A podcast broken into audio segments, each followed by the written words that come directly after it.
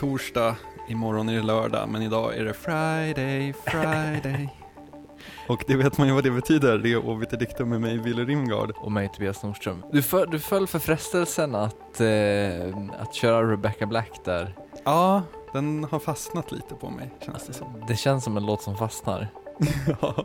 är, är du för eller emot Rebecca Black? Oj, eh, man är ju man är ju splittrad. jag är helt för kan jag säga. Ja, på vissa delar av mig är för, andra är, är, är jätteemot. Alltså, emot för att det är ju skitdåligt på alla sätt och vis. För därför att det finns andra saker som är betydligt mycket sämre som folk inte verkar reflektera över är dåligt överhuvudtaget. Ja, jo men samma här. Plus att jag känner så alla säger så här, men det är världens simplaste text och den är meningslös och bla bla bla. Och då känner jag så här, ja men hon gjorde det.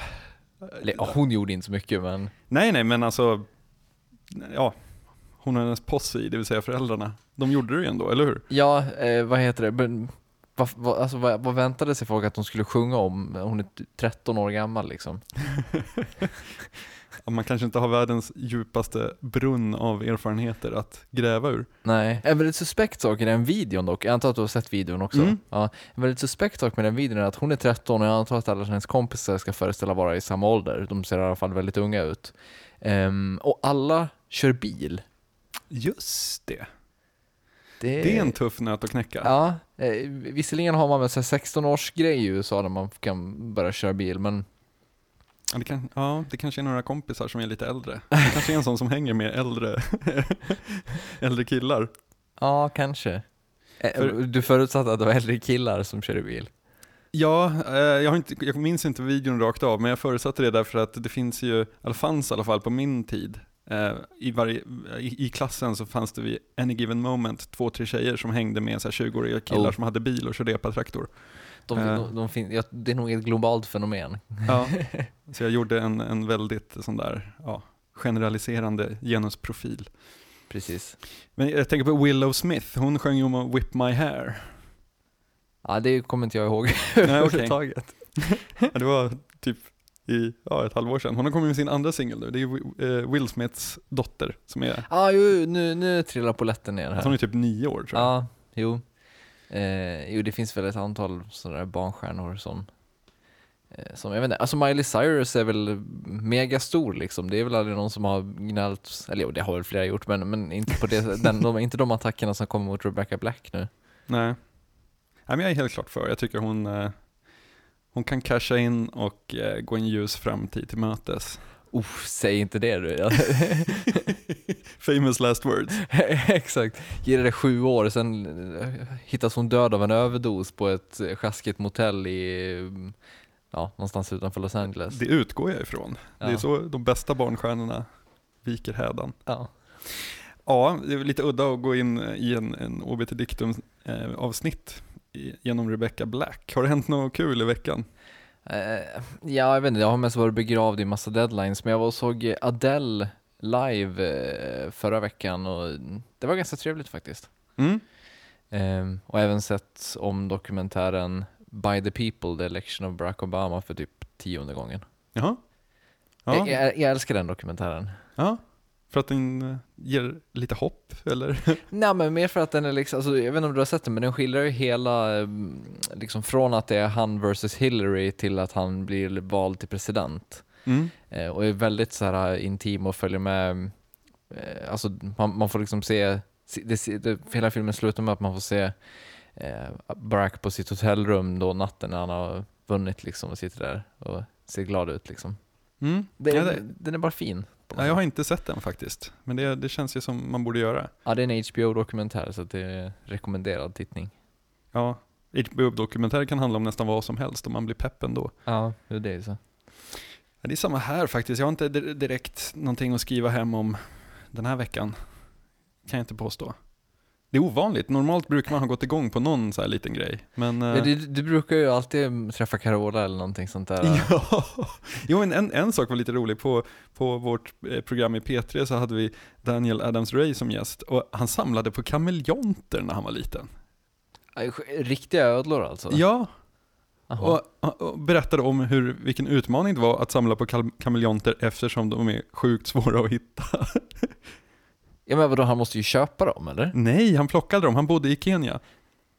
Jaha, ja ja, jo. Alla har vi olika bakgrund. Det är helt sjukt, eller hur? Samla på kameleonter och ja. Det är klart att de är svåra att hitta. De, de är ju kameleonter, eller hur? Jo, men vadå, vissa, i min barndom så samlar man på grodor och, och sånt där, det är väl samma sak eller? eller Ja, jag, hu- Hundra humlor i en burk och sådana saker. Exakt. jag gjorde förresten, det är en liten eh, kort anekdot, jag jagade getingar när jag var liten och slängde mig en gång till en geting så att jag kloss, krossade min glasburk och fick in massa glas i armen. Mm. Eh, varpå en av glasbitarna kom ut ur hakan fyra år senare. What? Ja. Nej. Jo. Det här är ju en Aftonbladet-rubrik in the making, eller Ja. hur? oj, oj, oj. Vi har nog en rubrik i alla fall till vår bloggpostning känner jag. Glasbiten kom ut, devis, fyra år senare. Du, innan vi börjar så eh, jag ska berätta att jag har kollat upp Dr. Nick Begich. Han var, han var ju din, ditt S i rockhjälmen när, vi, när vi skulle prata om argumenten eh, för konspirationen med Harp förra veckan. Varför känns det som att jag vet vad det här leder? Eh, det, jag bollade ju upp att han skulle vara do- doktor i kryptozoologi. Mm. Riktigt så illa var det inte. Han, är alltså doktor eh, i medicina alternativa.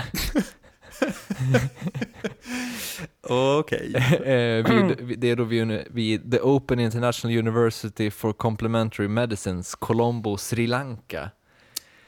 Eh, Okej, så han tar en så här, konstig pseudolatinsk titel på ett öppet universitet på Sri Lanka. I stand corrected sir. Ja, de har en hemsida som vi länkar till på bloggen, eh, det här universitetet.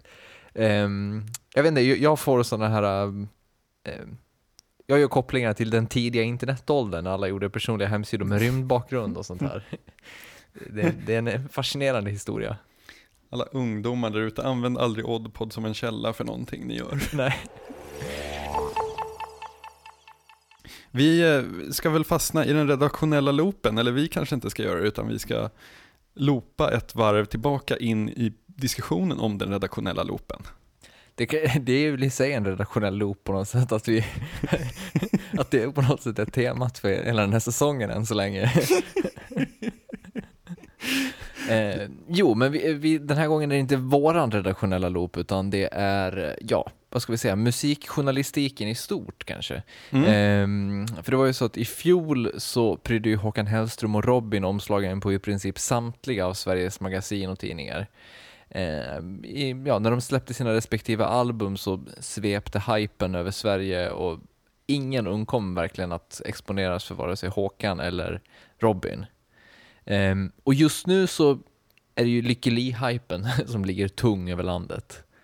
Eh, hon intervjuas överallt, hennes eh, låtar från nya skivan Wounded Rhyme spelas på radio hela tiden, etc. etc. Eh, så jag vet inte, man brukar ju ofta prata om att liksom nätet har blivit någon slags ny distributionskanal ehm, som övers eller inte överskuggar kanske, men som i alla fall mäter sig med gammelmedia och att nu, liksom, nu är det mp3 och det är bloggar och hit och dit. Men ändå så är det ändå de här storbolagens artister som får mest uppmärksamhet. Mm. Håller du med mig? så Ja, definitivt. definitivt. Eh, de ligger ju på egna skivbolag, både Håkan Hellström och Robin och Lykke Li. Eh, men det är, det är ändå så, det är storbolag som sköter deras distribution.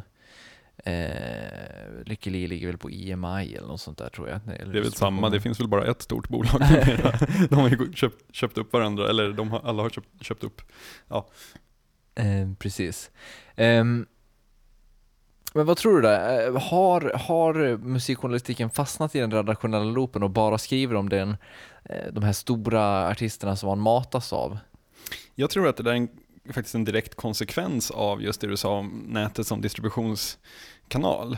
Um, för jag kan gilla så här nya, jag vet inte, nya Burial 12 och du gillar en så här bootleg mix på, ja men typ How to dress well, kanske.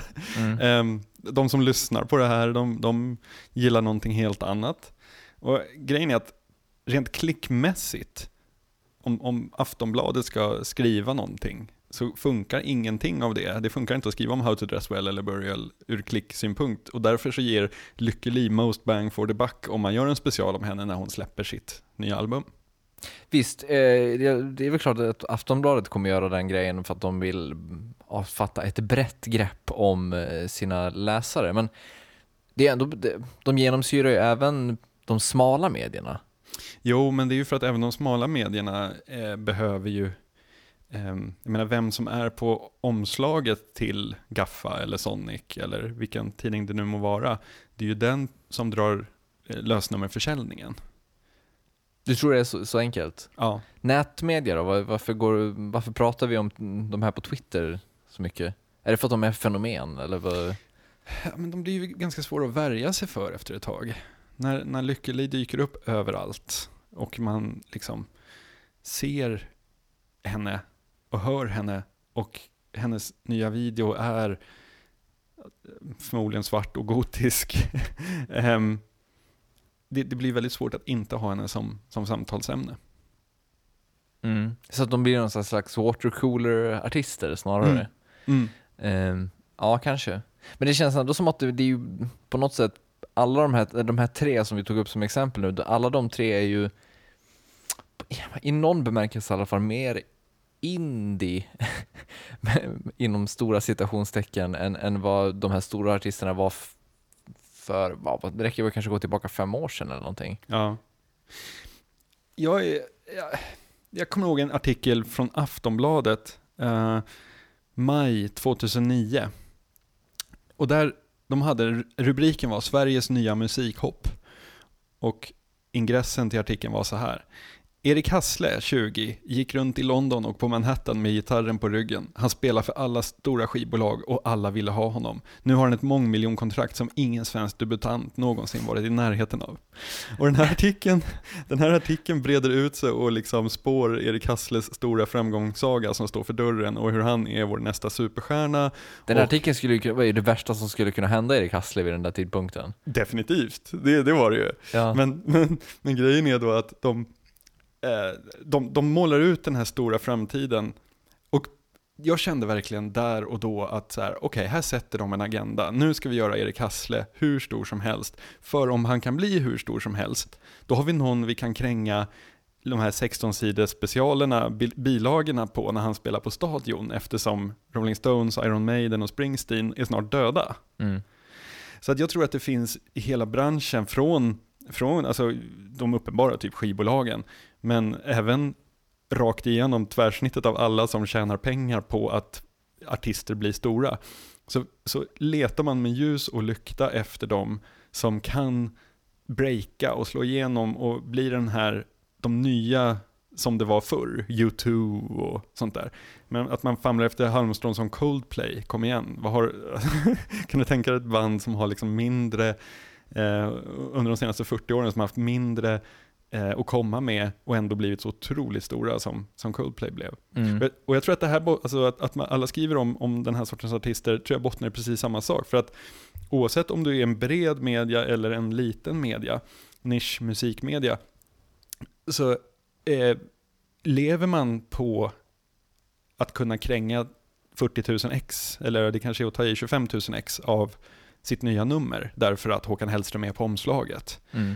Om man inte gör det, då kan man inte sätta ja, Anna von Hauswolf på omslaget nästa nummer. Nej, jag förstår hur du menar. App, app, app, app, app.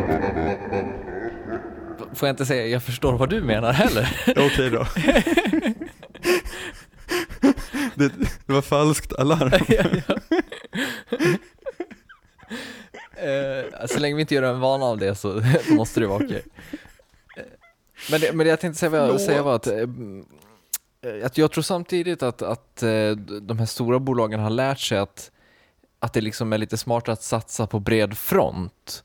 Eh, att man inte bara kan ha de här megastora och sen köra idolartisterna utan det är bättre att, att täcka upp så mycket som möjligt. Jag intervjuade nyligen, ganska nyligen i alla fall James Blake för eh, för Sonic. eh, Och då när jag mejlade hans pressfolk i Storbritannien så blev jag liksom snällt vidarebefordrad till eh, en sven någon svensk på Universal, för då visste det att det är Universal som sköter hans A&R i Sverige. Och det känns väldigt så här, symptomatiskt på något sätt att inte ens en lite så här, smal artist som James Blake som aldrig kommer slå stort i Sverige, eh, han har sin representation på Universal liksom. Mm. Så att jag vet inte, jag, jag tror nog att, att, att bolagen har, har varit så pass smarta att de fattar att eh, det, man tjänar på att plocka upp snackisarna lika mycket som de storsäljarna. Liksom. I alla fall i England. Men i England så har ju ändå även majorbolagen eh, varit hyfsade tycker jag. Även, alltså, där har det funnits en näringskedja hela vägen upp från de minsta smala eh, supernischade etiketterna via typ creation, factory, den sortens lablar. Mm. Eh, och upp till major-lablarna. Och ett band har liksom vandrat i den stegen på något vis och major-lablarna där är betydligt mer vana vid att eh, eh, hantera lite udda artister. Tänk dig i Sverige om man, om, om, om ehm, jag vet inte, jag tänkte Tough Alliance på ett, på ett majorbolag. Men de skulle ju inte ligga på ett majorbolag i Storbritannien heller. Burial Nej. kommer ju aldrig ligga på eh, BMG liksom. Nej, Eh, alltså, men jag, jag, jag, förstår vad du menar, men samtidigt så känns det som att eh, Alltså att britterna, de, de försöker ändå göra sina, eh, satsa på sina motsvarigheter till så här, eh, till Britney Spears och så. De har liksom Leona Lewis och mm, sina motsvarigheter snarare än, än att de... Eh, alltså de, de har ju, på något sätt kan de, kan de alltid skylta med sin jeansrock mm. som någon, som någon slags gott samvete för att de håller på med kvalitetsmusik. Mm. Ja, men sen får man inte glömma att, att alltså, efter britpop-grejen på 90-talet så har ju ändå så brittisk musik varit i en enorm svacka fram till de senaste åren. Mm. Menar, tänk dig att så här Snow Patrol och Franz Ferdinand och sådana band har varit det största de har haft och de har varit så här megastora. Och samtidigt så har vi suttit här och haft hur grymma små band som helst som, jag vet inte, Jens Lekman, The Embassy, vad som helst. Um, och man bara tycker att, hur, hur kan ni sitta och lyssna på Snow Patrol och Ja, jag vet inte, nu har vi digressat iväg från, från utgångspunkten. Men jag tror, alltså det är inte ofta jag tycker som på Tidholm, men i veckan så skrev han en klok sak i Dagens Nyheter i recensionen av Las Vegas nya överproducerade svulstalbum. Eh, och där skriver han så här. Musikindustrin behöver nya arenaband och återväxten, återväxten är dålig. De största akterna är pensionsfärdiga och Las Vegas har potentialen, så varför inte slå på stort? Och det här då apropå att man har skickat in Las Vegas som var så bra på debuten tillsammans med m- megaproducenten Flood i en villa i Kalifornien och jag tycker att albumet de kom ut med kanske inte var Ja, men behöver vi nya arenaband då? Be- behöver musikmedia nya arenaband så att de har de här giganterna att det håller på att byggas tre nya stora arenor i Stockholm liksom. jo, men vadå, vilka ska spela på dem? Ja, precis. Vilka ska spela på dem? Det är ju det som är frågan. För det, när jag läser, när man läser projekteringen, att så här, varje arena ska ha 70 arrangemang per år och en tredjedel är fotbollsmatcher. Så, hmm, vad är det övriga då? Mm. men liksom, ja, det kanske kan bli någon så här hårdrocksfestival med fyra band på en kväll. ja, men hårdrocken, Hårdrockarna kommer alltid. Ja, det finns väl ingen musikgenre som mår så otroligt bra som hårdrocken. Vilket visar sig exempelvis i att så här, Aftonbladet har ju startat en så här metal-sajt nu, där de bara skriver om metal. Liksom. Kollar man på sommaren när så här Iron Maiden, Metallica, Slayer, Anthrax, alltså det är så mycket stora hårdrocksband som kommer hit och lirar. Liksom. Så jag tror metal-scenen, den, den mår ju bra. Jo, men jag tror också att det beror på att det, att det i metalscenen, ehm, det finns liksom ingen, eh, ingen, in- inte tillstymmelsen till kritik någonstans. Nej. Det, det är väl som Mattias Kling eller vad han heter som recenserar hårdrock på Aftonbladet. Visst, allt får fyra plus. Allt får fyra plus. Det, jag har aldrig sett han dela ut, eh, absolut aldrig sett honom dela ut lägre betyg än en trea. Nej. Eh, Nej, nej, det är extremt okritiskt och sen så finns det en stor, eh, eh, stor publik som har levt med det här i så här 25 år. Från början så var de eh, fattiga och, och, och liksom bodde ute i någon smutsig förort och nu är de så här mellanchefer men har behållit det långa håret och en, en vecka per år så får de åka till Sweden Rock och bara wow. Ja. Det är fördomsprofilen. Men tror du att vi går någon så här, för att på något sätt svänga tillbaka lite grann mer mot ämnet, eh, tror du att vi går någon slags Hollywood, Hollywood-modell till mötes där det är så här, små eller halvstora bola- bolag som gör och producerar film, eller i det här fallet då musik, och sen skjuter de stora bolagen till pengar och sköter distribution och marknadsföring? Ja, det är en bra fråga. Alltså vi i Sverige har ju eh, eh, Melodifestivalen som liksom inte handlar om popmusik. Jag tycker varken Melodifestivalen eller Idol handlar om det. Men den skäl ju så mycket marknad för ehm, det övriga. Så jag tror inte att så länge den har liksom håller Sverige i ett järngrepp och får varenda dagis att gå omkring och sjunga på Erik Sade, eller vad han he, heter. Det Sade heter han. Sad. Desad. Desad, Marquis Erik Desad. Ja. Ja, eh, så länge, så länge liksom den finns så tror inte jag, varför ska man promota ja, random? Men jag tror att på det sättet tror jag Melodifestivalen, är bra också för att det ger någonting väldigt tydligt att position, positionera sig emot. Ja. Ehm, jag vet inte, det skulle på något sätt kännas konstigt om när, när Embassy släpper sitt nya album på eh, Look som är deras bolag nu, om de ger ut albumet där och sen så ska liksom Sony sköta distributionen. Det blir på ett sätt väldigt konstigt, men det kanske är på ett sätt kanske det som är framtiden, eller vad, vad, vad tror du? Jag för mig du och jag åkte tunnelbana någon gång i höstas och tittade upp på de skivor som Åhléns gjorde reklam för Mm. och konstaterade att shit, det här är bara så här nya Bello Sebastian och liksom det var bara in, alltså de klassiska indiebanden har jag för mig. Mm. Ehm, Jag tror jag sa då också att jo men det på något sätt vittnar väl om vilka det är som köper skivor. ja, precis. Därför att, jag vet inte, de som lyssnar på, vad heter hon, Tove Styrke eller vad hon heter, de köper dem som ringsignal eller någonting sånt där. ja, men, jag, jag tror så här att det tidigare fanns en, ehm, det, ska man vara krass så är det väl så här att folk i gemen gillar att ha musik som ljudtapet snarare än att gå all in. Och tidigare så fanns det så här ett, ett topp, toppskikt med de riktigt, riktigt stora artisterna. Eh, sen fanns det ett mellanskikt med artister som tilltalade ganska många och liksom sipprade in även hos de som inte är så intresserade av musik och blev ljudtapetar. Mm. Och sen så fanns det de små indiebanden. Men det där mellanskiktet har lite försvunnit. Att nu är det antingen de här stora, stora radiohittarna eller Melodifestivalhitsen. Det är den som, de som når ut till alltså en, en, en bred grupp. Och sen så är det bara de som är intresserade och letar upp saker och ting själva som Mm. Jo. eh, utsätts för det övriga.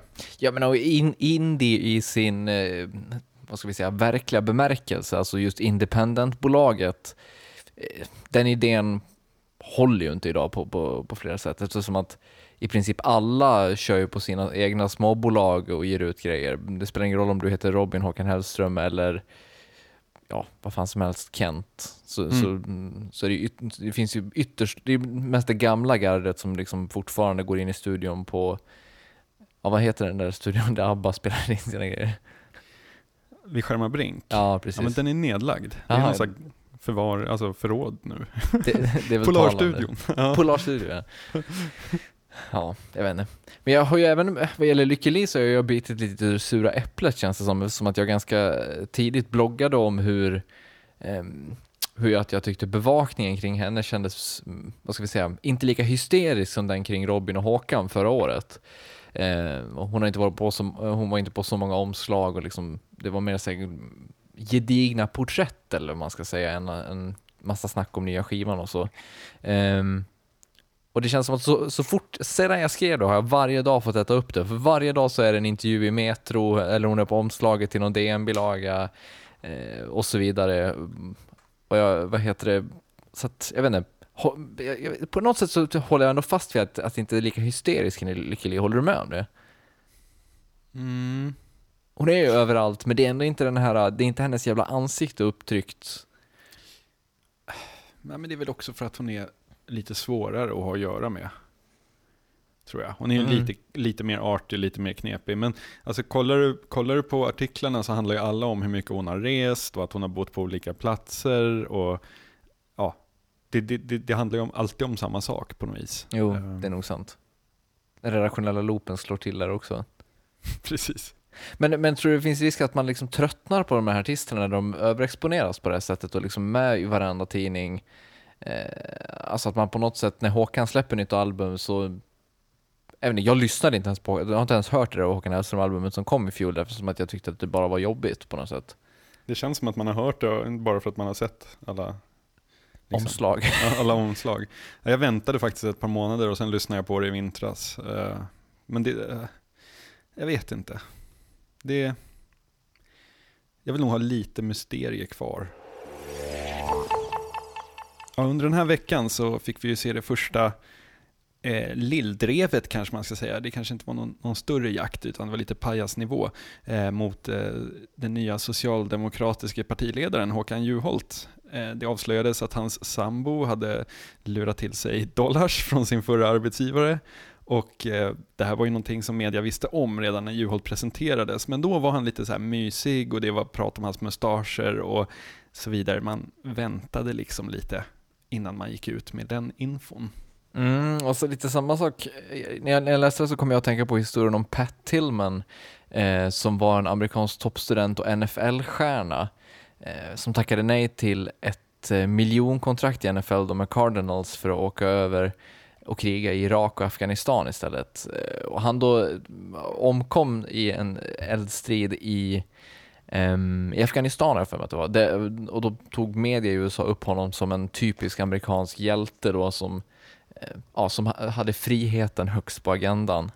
Uh, men sen visade det sig då att Pat Tillman passade inte riktigt mallen för den, den här amerikanska hjälten eftersom att han uh, dels hade blivit dödad av Friendly Fire i, i Afghanistan och att han var ateist, han läste Chomsky, eh, hans bror var full på begravningen och skällde ut folk för att de sa att Tillman var med Gud nu och sånt där. Så att han, liksom, han funkade inte att ha som hjälte eftersom att han, han dels då inte passade mallen och dels hans familj då som ifrågasatte hans död väldigt mycket.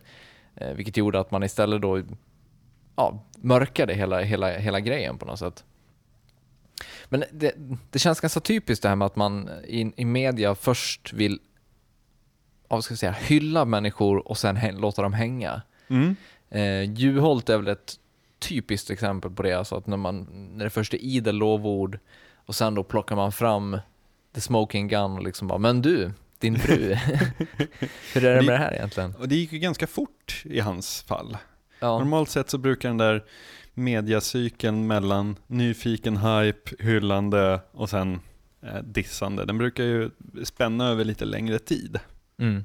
Vi sa det inledningsvis att, vad heter det, att media visste om det, det kan vi väl förutsätta att de gjorde liksom. De, ja, ja. de gräver ju direkt. ja, ja.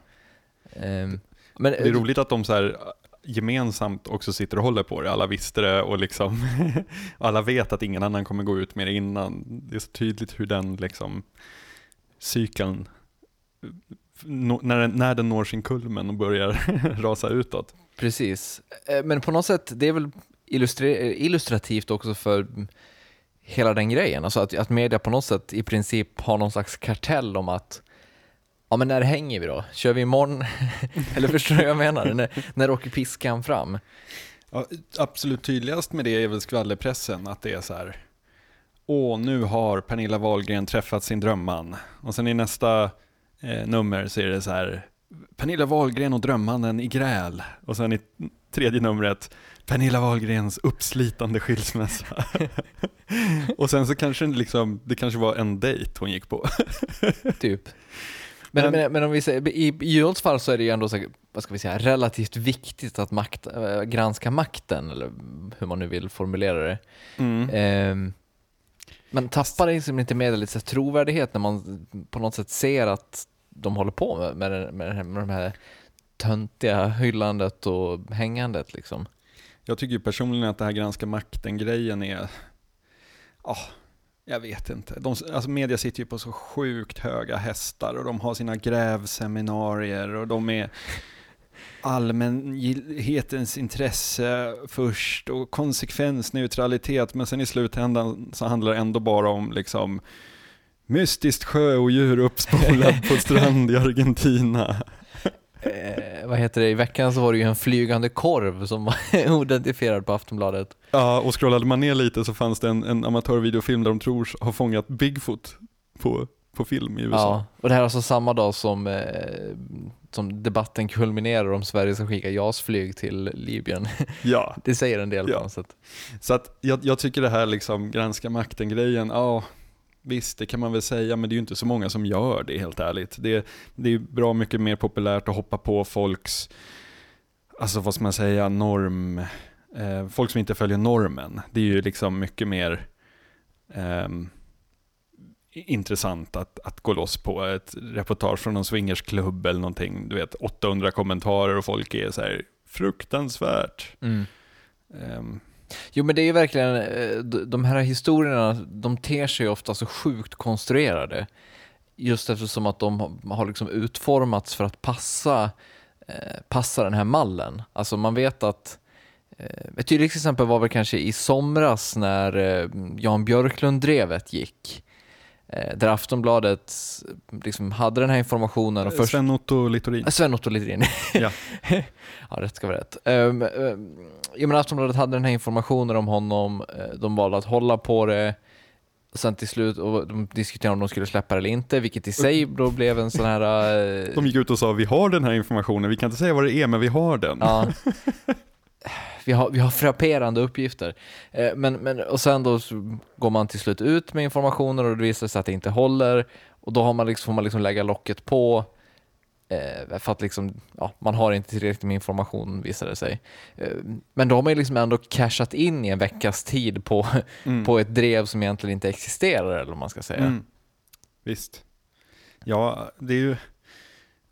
Vi återkommer ju ofta till William Gibson här i Obiter Dictum och ett klassiskt Gibson-scenario är just det här liksom att skapa, att skapa nyheter för att, inte för att de är relevanta eller någonting, utan eh, ja, man liksom föder och göder på många sätt. För med, kändis, med kändiskultur så är det ju ändå så här att, ja men det är klart att man skriver om när eh, Klerup har trashat ett hotellrum och han, han har knarkat. Och det är klart att det är jättekul att skriva om det och det är klart att så här, han Det är ganska inte... kul att läsa om också. Ja, och det är klart att han inte så här förlorar så mycket på det. Han, han kan odla sin bad boy image och fortsätta vara den här dekadenta snubben liksom.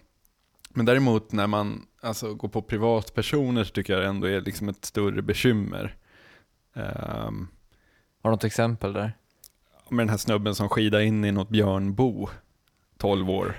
Som liksom, de intervjuar om vad han tycker man ska göra med björnungarna och sånt där. Liksom. Nu svarar han, han, han svarar ju fantastiska saker för att vara 12 år. Eh, och Ja. var- visade sig vara en- en väldigt klok liten person, att det var han som hade inkräktat på björnarnas område och så vidare. Men det är så här, ja men, nu, nu var ju det vinklat som att så här, björnen är farlig, den måste plockas bort. Det var ju vinklat åt andra hållet, fast jag tycker så här, ja men om någon kom inskidande där jag låg och sov, det är klart man lackar liksom. Eh, det var ju han som var off-pist på fel ställe, så enkelt är det ju. Och att han hette Olle och väckte björnen är också, det är ju, åh det är så meta och bra. Så jag vet. Alltså just att han heter Olle är ju, är ju faktiskt helt fantastiskt. Men, men, Men du vet, men Billy, jag vill bara säga, för att representera Norrland i den här, i den här podcasten. Du vet att en, en, en björn som väcks för tidigt kan bli enormt aggressiv och eh, beter sig väldigt irration, irrationellt. ja, det, det känner jag igen. Det tycker jag man blir när man blir väckt för tidigt och inte får kaffe. Det Ja, ju, tänkte du om du har sovit i några månader oh my god, och, blir väck, och dessutom blir väckt någon månad för tidigt. av en snubbe som på skidor. ja. Eh, men så att det, är- det är av rena sådana skäl man pratar om avliva. Det var väl det där med björnungarna som var, eller nallarna som de kallades i media.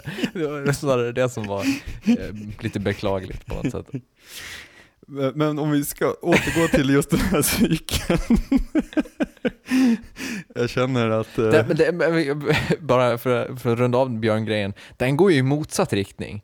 Där björnen först då är den här monstret som har, som har liksom käkat benen av lilla Olle eh, och sen då blir den den här jättesnälla, jättesnälla nallarna som man absolut inte får röra för det är ju trots allt mors lilla Olle som har drattat med skidan liksom. Fast det är väl för att Olle säger att han tycker synd om björnen och att han vädjar till folk att låta nallarna leva. Så du menar att om, om Olle hade sagt avliva de jävlarna, då, är- Då, hade tonen varit annorlunda eller Ja, vadå? men det är klart. Om han är så här, ja, om inte vi ens ska kunna gå utanför hemmet, då undrar man vart världen är på väg och sen så får han ha så här stöd från någon så här jaktförbunds Jan, Guillou lägger sig. Jan Guillou osäkrar geväret. pratar om björnbeståndet Ja visst, och så kommer debattartiklar och så liksom blir det snack om så här miljövännernas ignorans, hur många barn måste dö och så vidare och så vidare.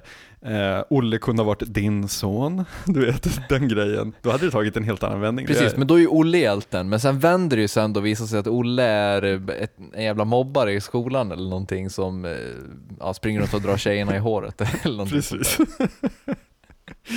men, men den sortens berättelser är ju ändå lite så här, ja, de innehåller så pass lite substans att de aldrig får de där riktiga vändningarna tycker jag. Men man, har ju, man såg ju på, på, eh, ehm, eh, på ett tydligt exempel här nyligen, det är ju Spotify.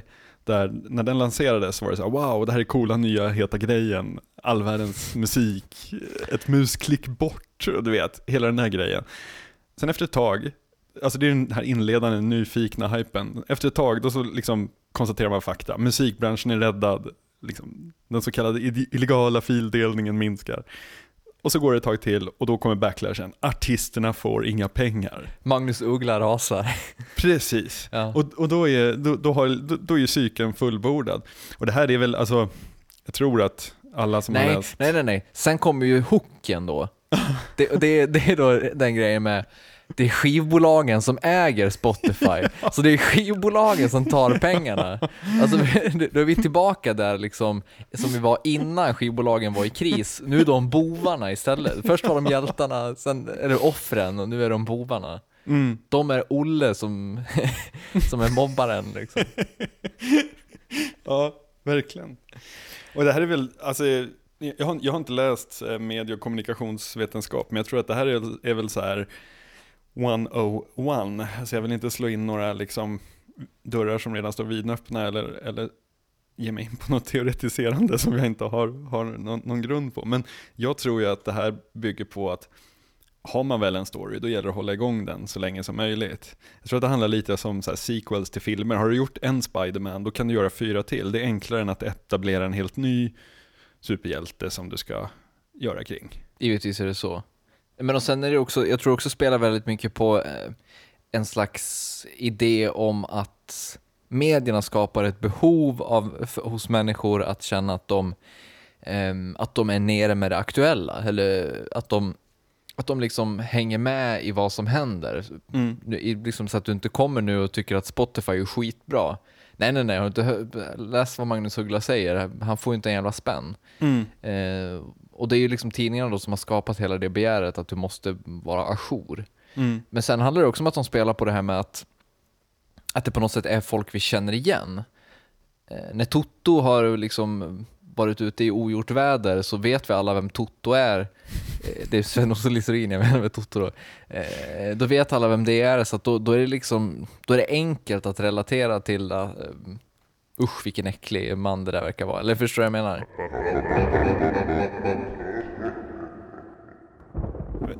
Men, en, en annan spekulation jag har, det är ju att man inte vill Alltså när man har hyllat någonting tillräckligt länge, när man har hyllat Spotify, det är fantastiskt, det är svenskt företag, bla bla bla bla bla. Efter ett tag så verkar man ju som en hejaklack och då är det så här, nu ska vi granska makten. Förstår du vad jag menar? Ja, jo, jo. App, app, app, app, app. Nu duggar de tätt här.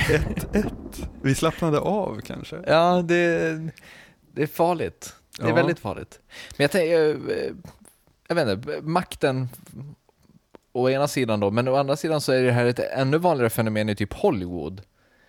Eh, För där älskar man att plocka upp de här gamla stjärnorna, låta dem få en revival och vara ashyllade för att sedan plocka ner dem igen när de gör så här skitfilmer och eh, gör, nam- eh, gör liksom rösten i någon Disney-film. Tydligaste exemplet är väl John Travolta som fick mega uppsving med eh, Pulp Fiction på 90-talet. Mm. Och så tog det inte så många år innan han liksom var tillbaka i sig Generalens dotter och Battlefield Earth. Så- Sådana projekt. Vad hette vorullen? Face Off? Face-Off. Fast Face-Off är helt okej. Det- det- Den gillar jag. eh, Den andra, vad heter den? Broken Arrow med Christian Slater är Oh. betydligt sämre. Min, mitt modus operandi det är ju typ att såga direkt, gärna innan jag upplevt någonting. Och sen så, så här, ja, så, så står jag för det ända tills jag upptäcker att shit, det här var ju skitbra. Jag har ju sågat både Nikita och Fringe här i podcasten. Två tv-serier som jag följer faktiskt. Ja. Med, med glädje. Men tror du att det här är någon slags eh, amerikansk mm, uppfinning? Det här, det här mm, just med att man, att man gillar att hitta de här syndabockarna eller hänga hjältarna och, eller lyfta upp dem på nytt och så vidare. Jag tänker Obama som när han blev, blev vald till president, han var ju mer eller mindre messi, messias Mm. och sen tog det liksom inte allt för lång tid innan hans popularitet, popularitet sjönk avsevärt och man fick hård kritik för hur han agerade och massa sånt där. Grejen är väl så här att jag, jag tyckte hela Obama-grejen var jättekul, men jag sa redan från, från dag ett när presidentracet började, när liksom the primaries var över det, så sa jag det att ja, men det här är väl kul nu, men sen kommer vi till ett realpolitiskt läge där han inte kan förändra ett skit. Det, Mm. det, det, liksom, det, det fattade man ju att det skulle bli så. Det lät bra, men nej, det finns vissa så här det finns vissa grejer som man inte bara kan ändra på. Liksom. Och det jag tycker är så störigt, det är med så journalister eller media som trummar upp att wow, nu blir det guld och gröna skogar. Och sen några veckor senare så blir de jätterasande över att nej, det blev samma skit som vanligt. och, och så håller alla med därför att folk är så här, de går på den enkla. Och jag kan tycka att det finns ett ansvar kanske, om man nu så här, var det här allmänhetens intresse och, eh, och liksom, ja, allt det där. Då kanske det skulle vara så att man balanserar redan från början att ja, det är mycket snack men räkna inte med att det blir så mycket hockey. Mm. Jo, kanske. Ehm, Fast då blir de bara så cyniska gnällfolk. Jag vet inte, läsarna vill väl tas med på den här emotionella rollercoastern liksom. Jo men det vill man ju faktiskt. Eh, Det, det, vi pratade om Charlie Sheen här för någon vecka sedan och eh, det är fantastiskt att se hur han på något sätt kör sin karriär i diket. Ehm, eller ja, frågan är om han har gjort det nu. Det verkar ju snarare som att han är ett, ett geni på marknadsföring eftersom att han har sålt ut eh, vad heter det, Radio City Music Hall två gånger om och sånt där med sin, med sin stand-up show. Mm. Eh, eller ja, han kommer sitta på en stol och berätta om sitt liv eller vad, vad. Winning! Ja, winning. Eh, men men alltså, vi gillar ju att se debacle i media på något sätt. Mm. Eh, och vi hoppas väl hela tiden på eller hopp, hoppas gör vi väl inte, men vi tycker väl om att förfasas lite grann när Juholts fru har gjort the dirty liksom. Mm. Ja, och man kan ju faktiskt väl, alltså, som sagt, jag tycker, med kändisar så tycker inte jag att det är ett så stort problem, för man kan välja att inte vara med. Alltså Kent har ju gjort det exempelvis. De, de enda nyheterna som finns om dem, det är ju att ja, nu ska de på en turné, eller nu släpper de ett album, därför att de, de släpper ju inte till några andra nyheter. Jo, för, jo, för något år sedan när de släppte den där mobilen så blev det väl ett jävla liv. Ja, fast då var det ju mer så här, fansen rasar. Och då är så här en forumtråd på kent.nu. Ja. Fan, ja, fansen rasar och så, jag tror det var Marcus Mustonen som sa, men vad fan det är ju ingen som köper skivor längre, vi måste ju tjäna pengar på något, vilket också var så här, ironiskt på något sätt med tanke på att de säljer mest skivor i hela Sverige.